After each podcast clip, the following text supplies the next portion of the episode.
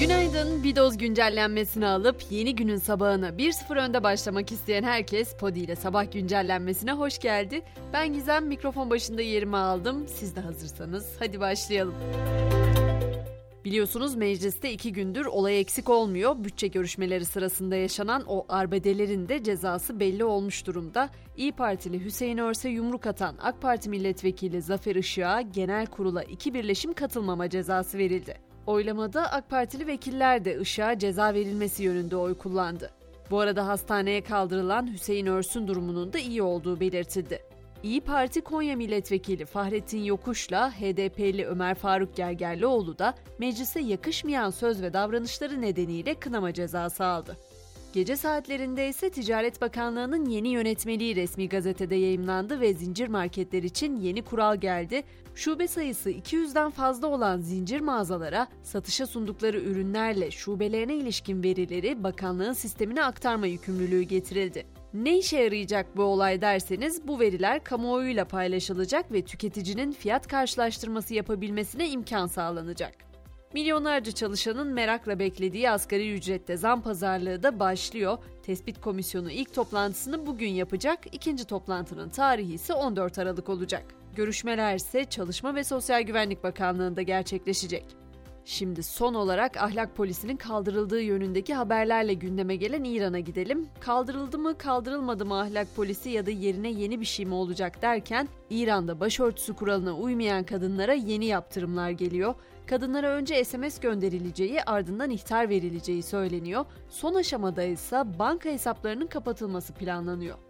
Avrupa'ya baktığımızda ise Macaristan'ın veto kararı fon kaynaklarını vuracak gibi görünüyor. Avrupa Birliği üyesi olan ama birçok konuda da Brüksel yönetimiyle görüş ayrılığı yaşayan Macaristan hükümeti Avrupa Birliği'nin Ukrayna'ya yapacağı yardımı veto etti. Paketin çıkması için oy birliği gerekiyordu. Bu kararın ardından Avrupa Birliği de Macaristan'a fon gönderme sürecini erteledi.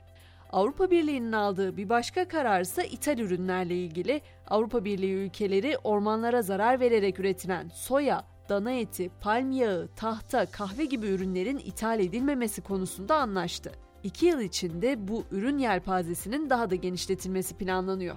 İngiltere'ye baktığımızda ise ülkede 4 gün mesai kavramı kalıcı hale geliyor diyebiliriz.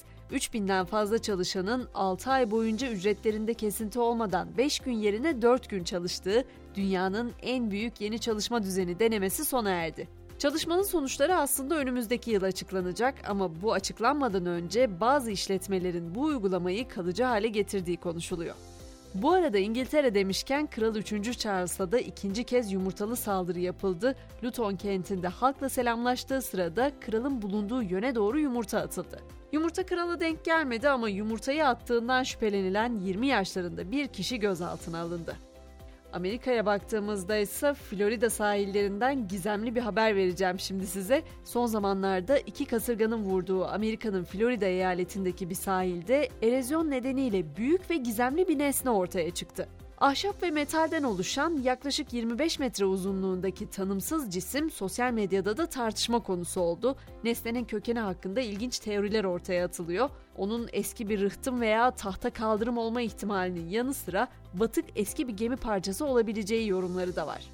Elon Musk'a yönelik iddiaların ise ardı arkası kesilmiyor. Musk'ın beyin implantları konusunda çalışan firması Neuralink'in ürün testleri sırasında hayvan haklarını ihlal ettiği öne sürülüyor.